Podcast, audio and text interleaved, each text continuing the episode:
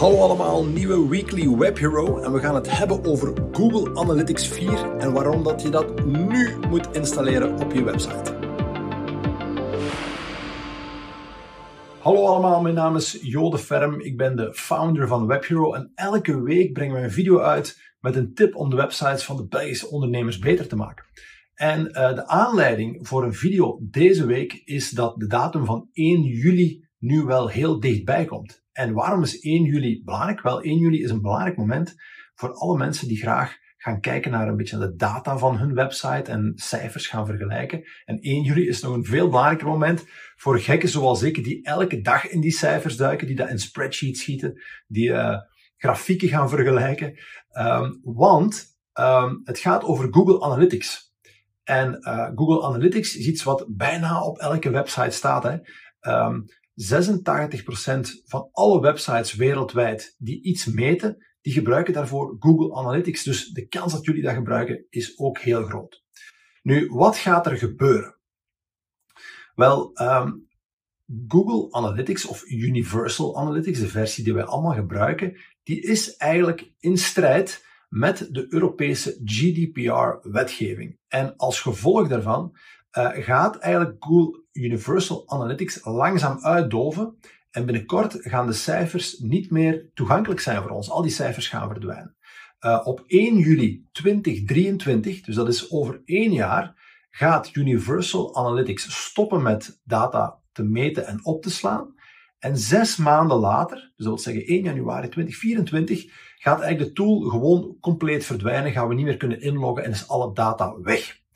Wel, hoe gaan we dat meten in de toekomst? Ja, Google heeft natuurlijk um, moeten nadenken over een alternatief. Want ja, analytics is ook wel heel belangrijk voor Google. Want ze zijn gekoppeld aan de AdWords en dat is natuurlijk een, een businessmodel.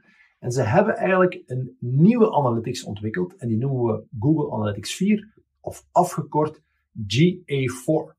Nu, is Google Analytics 4 dan niet in strijd met de GDPR-wetgeving? Wel, Google um, zet GA4 eigenlijk in de markt als een, uh, een privacy-centric tool. Dus dat wil zeggen, de tool is gebouwd met de privacy van de, van de website surfer, zal ik zeggen, in gedachten. Ze gaan op een heel andere manier data gaan opslaan, bijvoorbeeld zonder gebruik te maken van, van de cookies.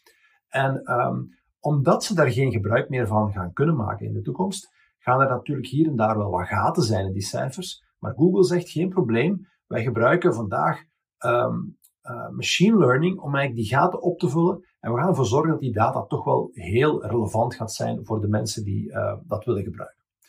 Nu, ik had je gezegd dat nu 1 juli 2022 een heel belangrijk moment is. Waarom is dat nu? Wel, cijfers zijn natuurlijk alleen maar interessant als je die gaat kunnen vergelijken. En heel vaak wil je die vergelijken met het jaar ervoor. Een voorbeeld, als ik de cijfers van Black Friday wil vergelijken, ja, dan ga ik die niet vergelijken met cijfers uit de zomervakantie, want dat is gewoon niet relevant. Hè. Ik ga dan de cijfers willen vergelijken van um, de Black Friday van het jaar daarvoor, om, om besluiten te kunnen uh, trekken daaruit. En bij gevolg moeten we nu een jaar vroeger al gaan meten in Google Analytics 4, om ervoor te zorgen dat we volgend jaar nog altijd jaar over jaar gaan, uh, gaan kunnen vergelijken.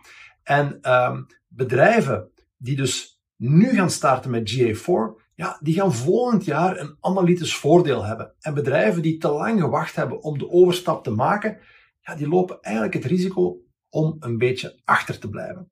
Dus mijn weekly Web Hero tip van de week is installeer Google Analytics 4 nu voor 1 juli 2022 op je website.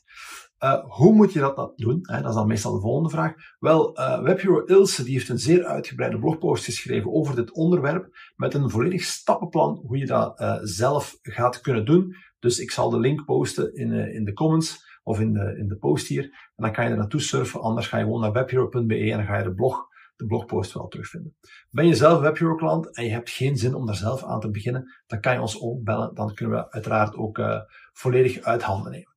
Ik heb nog een laatste uh, oproep voor ik afsluit. Um, elke week brengen wij een, eh, een bepaald onderwerp over websites.